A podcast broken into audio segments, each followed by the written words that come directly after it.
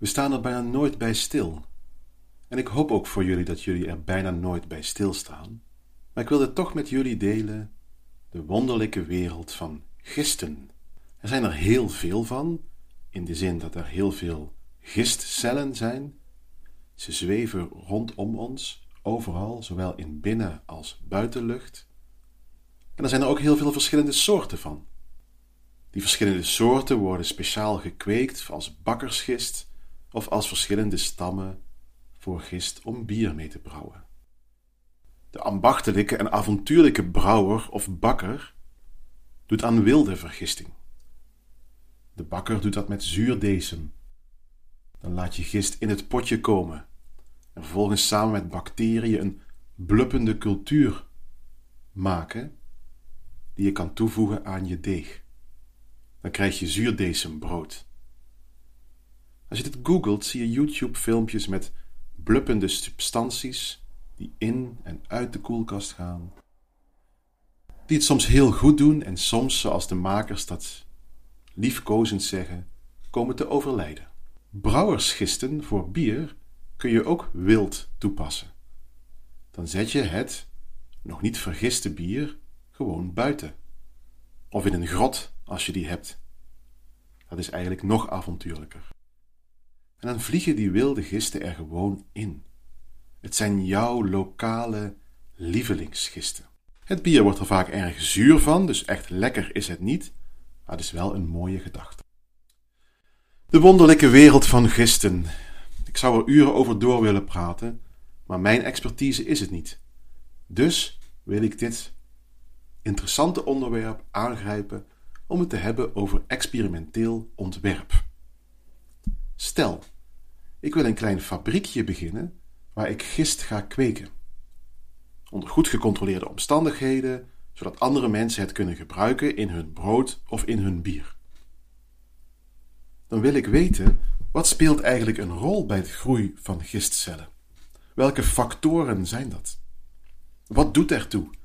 Is het de temperatuur? Is het de vochtigheid van de omgeving? Is er zonlicht of net niet? Enzovoorts enzovoorts. Als ik eenmaal weet wat er een rol speelt bij de groei van gisten, van gistcellen, wil ik ook weten hoe ik die groei kan optimaliseren. Hoe kan ik zoveel mogelijk gist produceren, die ik dan vervolgens op de markt breng? Vorige keer hadden we het ook over experimenteel ontwerp. En toen hebben we gezien hoe we moeten proberen om confounding factors te voorkomen en hoe belangrijk dat is. Vandaag gaan we wat abstracter kijken naar zogenaamde factoriële designs. En factoriële designs vind je echt overal waar onderzoek wordt gedaan, kom je factoriële designs tegen. Ze passen ook nog eens heel goed bij ANOVA en dat is het onderwerp van de volgende podcast. Voor nu, volg mij op mijn fictieve zoektocht naar de ideale gistsoort bij Audiostatistiek podcast over statistiek zonder plaatjes.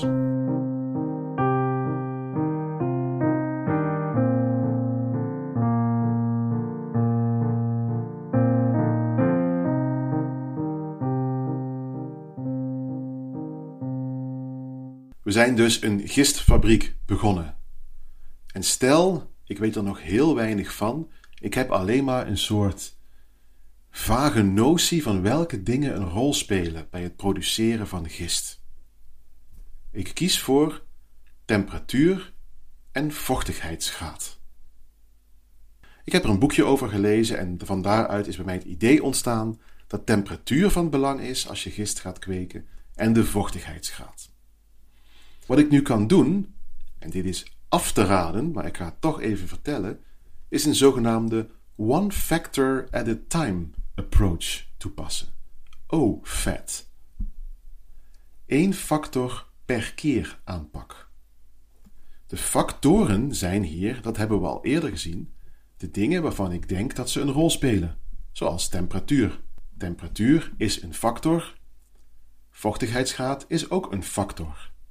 Elk van die factors heeft verschillende niveaus. Dus als ik drie verschillende temperaturen uitprobeer in mijn experiment, dan heeft de factor temperatuur drie niveaus. In het Engels levels. Factors have levels. Dat moet je goed onthouden. Oké, ik denk dat temperatuur van belang is. Ik denk dat vochtigheidsgraad van belang is. Wat ik nu in al mijn statistische experimenteel ontwerp naïviteit ga doen, is voor elke factor één apart experiment uitvoeren. One factor at a time. Dus eerst doe ik een experiment waarbij ik gist kweek op drie verschillende temperatuurniveaus. Ik kijk of dat een verschil maakt en ik kan ook meteen kijken welke temperatuur de meeste gist oplevert. Vervolgens ga ik kijken, speelt vochtigheidsgraad een rol? Ik doe een nieuw experiment op die temperatuur die ik net gekozen heb en dan krijg ik naar drie verschillende vochtigheidsgraden. 20% vochtigheid, 40% vochtigheid en 60% vochtigheid. Uit dat experiment leid ik dan weer af of vochtigheidsgraad een rol speelt en zo ja, op welke vochtigheidsgraad ik de meeste gist krijg. Dit klinkt intuïtief heel aantrekkelijk. Eén factor, één experiment. Het is lekker overzichtelijk, we weten waar we mee bezig zijn. Maar het is ook heel suboptimaal. Om twee redenen. De eerste reden is dat je onnodig veel runs, onnodig veel metingen moet doen.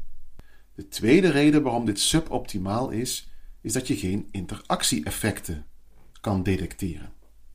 Interactie-effecten hebben we eerder gezien, is het fenomeen waarbij twee factoren zodanig met elkaar samenhangen dat je ze niet meer in isolatie van elkaar kan zien.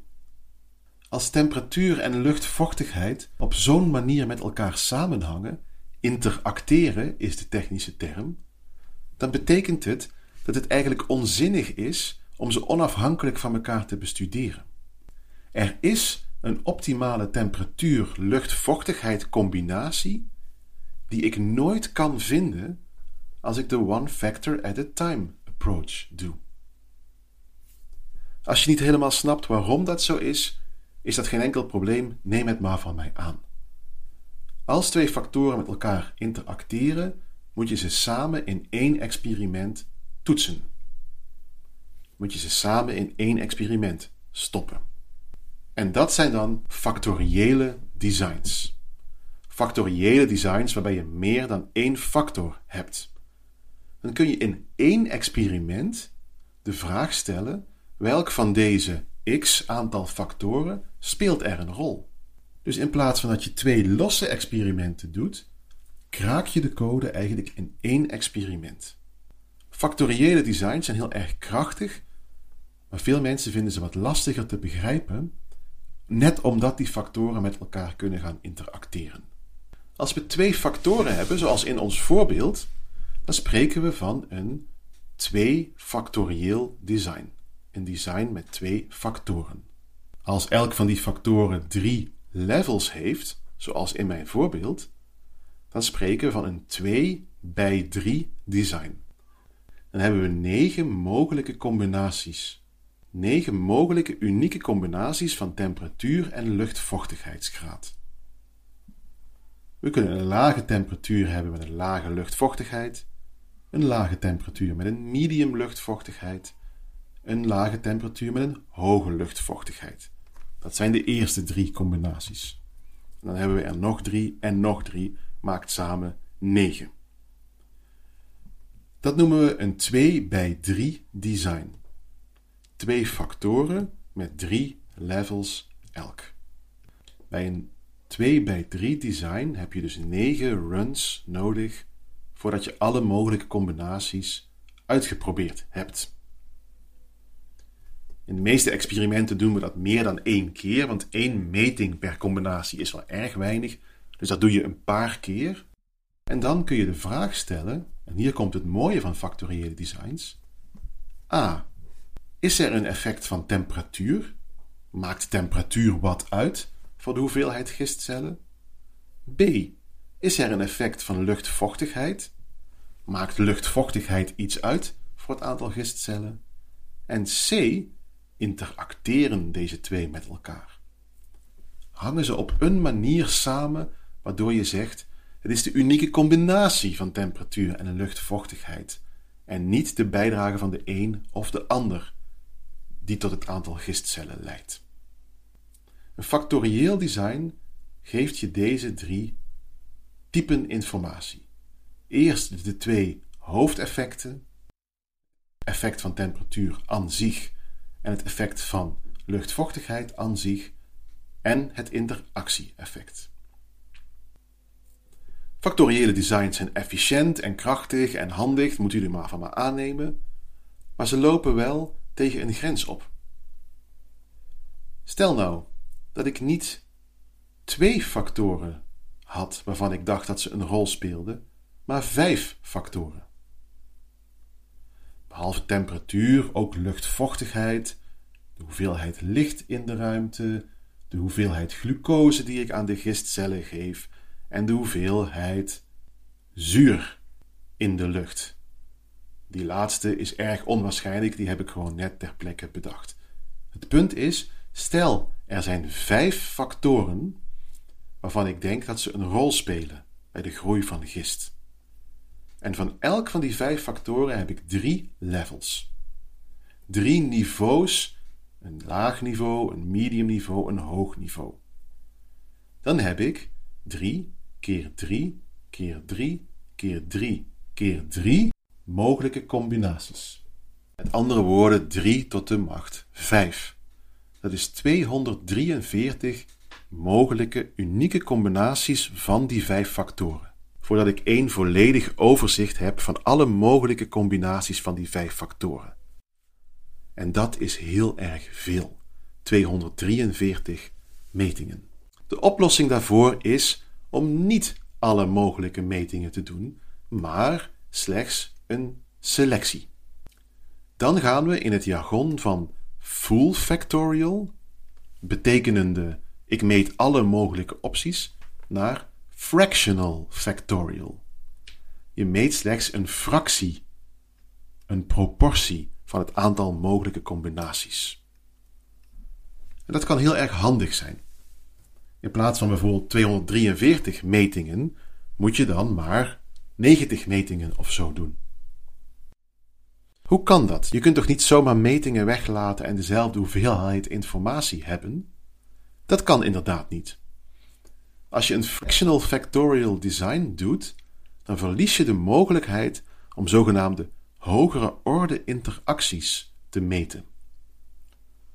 Een hogere orde interactie is bijvoorbeeld een interactie tussen vijf factoren. In het jargon heet dat een vijfweg interactie. Conceptueel in je hoofd moet je je dat voorstellen als alle vijf factoren hangen op een manier met elkaar samen, waardoor je niet meer kan zeggen één enkele factor speelt een rol, maar het is hun unieke combinatie. Het is heel erg moeilijk voor te stellen wat zo'n vijfweg interactie is. En daarom zeggen veel onderzoekers: als ik de vijfweg of vierweg of drieweg interactie niet kan schatten, niet kan weten of die er is, dat vind ik geen enkel probleem. Ik zou het toch al moeilijk gevonden hebben om te interpreteren. Dat is zeker niet altijd zo, maar geregeld wel.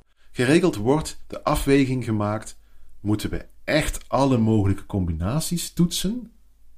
En dan kunnen we dus die hogere orde interacties weten, of kunnen we ook toe met minder runs, met minder metingen, en toch een hele hoop informatie krijgen. Namelijk, je krijgt nog steeds de informatie over de hoofdeffecten en bijvoorbeeld de tweeweg interacties. Full factorial. Je toetst alle mogelijke combinaties. Dit werkt vooral goed als je weinig factoren hebt of als het doen van metingen heel erg goedkoop is. Of je doet fractional factorial en dan toets je alleen maar een subset van het aantal mogelijkheden wat je daarmee wint, is dat je minder metingen hoeft te doen. Dat kost dus minder geld en tijd, is efficiënter. Wat je daarmee verliest, is dat je de hogere orde interacties niet meer kan schatten. En dat vinden veel mensen prima. Hoe weet je nou welke combinaties je moet nemen bij een fractional factorial design? Daar zijn slimme algoritmes voor bedacht. Een bekend voorbeeld is het zogenaamde Box-Banken-algoritme. Dat wordt vooral gebruikt bij experimenten waar je factoren hebt met drie levels: laag, medium, hoog. Box-Banken is een slim algoritme wat jou vertelt: oké, als je deze metingen doet, als je deze combinaties meet, dan heb je straks voldoende informaties om iets zinnigs te zeggen over speelt temperatuur een rol, speelt luchtvochtigheid een rol, enzovoorts. Als je maar weinig factoren hebt met weinig levels, dan is er veel voor te zeggen om wel full factorial te gaan. Bijvoorbeeld in de sociale wetenschappen wordt er heel vaak gebruik gemaakt van zogenaamde 2 bij 2 designs. Twee factoren met twee levels elk, dan heb je vier unieke combinaties. Dat is heel goed te overzien. Wat ik tot nu toe aan het doen was, wordt screening genoemd. Ik heb een handvol factoren waarvan ik denk dat ze een rol spelen bij de productie van gist. En ik wil weten, ik wil screenen welke zijn dat? Welke factoren zijn van belang? Dat is vaak in een productieproces de eerste stap. Je vraagt je af: wat zijn hier de belangrijke factoren? In een vervolgstap kun je dan gaan optimaliseren. Dan zoom je in op de factoren waarvan je weet dat ze een rol spelen na je screening. En dan ga je daar vragen: welke combinatie van die factoren geeft mij nou de meeste gist? Waarmee optimaliseer ik het proces? En wat we dan vaak zien is dat mensen wat meer niveaus kiezen. Dus niet maar twee, niet alleen maar laag, hoog, en ook niet drie, maar bijvoorbeeld vijf. Dat je dan nog een preciezere schatting krijgt. Dat is de vraag die iedereen altijd heeft. Hoe weet ik hoeveel factoren ik moet toetsen?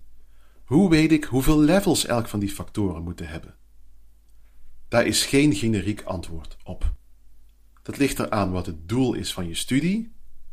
We hebben heel breed gezien dat één doel screening kan zijn en één doel optimalisatie. Het ligt er ook aan hoeveel je al weet van het proces.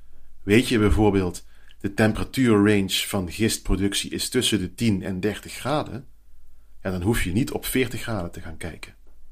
Dan kun je tussen die 10 en 30 graden een aantal stapjes nemen. Ja, hoeveel stapjes moet je dan nemen? Ook dat kun je geen generiek antwoord op geven. Een laatste soort design waar ik het nog niet over gehad heb, omdat die wat eenvoudiger is, zijn de zogenaamde vergelijkende designs, comparative designs. Die zijn zoals we ze al een paar keer zijn tegengekomen, bijvoorbeeld wanneer je twee groepen met elkaar vergelijkt. Patiënten versus gezonde controleproefpersonen. Dan vergelijk je wie heeft de hogere score een comparative design. Die zijn relatief eenvoudiger, hoewel hier natuurlijk de waarschuwingen van confounds, zoals we ze vorige keer gezien hebben, zeker ook spelen. Vind je het spreken over factoriële designs interessant en of nuttig? Verdiep je dan in een vakgebied dat heet Design of Experiments, DOE. En Design of Experiments heeft een enorme vlucht genomen, met name in de industrie. Immers, iedereen in een bedrijf gaat gapen als je het over statistiek hebt. Totdat je bij de bazen komt en zegt: Met design of experiments, dat is een heel ingewikkeld verhaal, beste mensen, bla bla bla, gaap, gaap, gaap, kan ik kosten besparen en tijd besparen. En dan is iedereen ineens geïnteresseerd. Een goed factorieel design extra belangrijk als je efficiënt wil zijn. Je kunt dan met een minimum aantal metingen een maximale hoeveelheid informatie vergaren. En dan is iedereen ineens wakker. Ik ga jullie verlaten in deze podcast-aflevering, maar niet met jullie nog eens op het hart te drukken om toch nog eens stil te staan bij de wonderlijke wereld van gist. Volgende keer gaan we verder in de wonderenwereld van de statistiek. We laten experimenteel ontwerp achter ons en we gaan verder met de statistische procedure die in de 20e eeuw getrouwd was met factoriële designs. Een levenslange verloving tussen factoriële designs en ANOVA, of in goed Nederlands variantieanalyse. Hele generaties groeiden ermee op. We hebben de variantieanalyse al vaak doodverklaard, maar hij of zij is er nog steeds. En volgende week gaan we ontdekken hoe dat zit. Graag tot dan bij Audiostatistiek.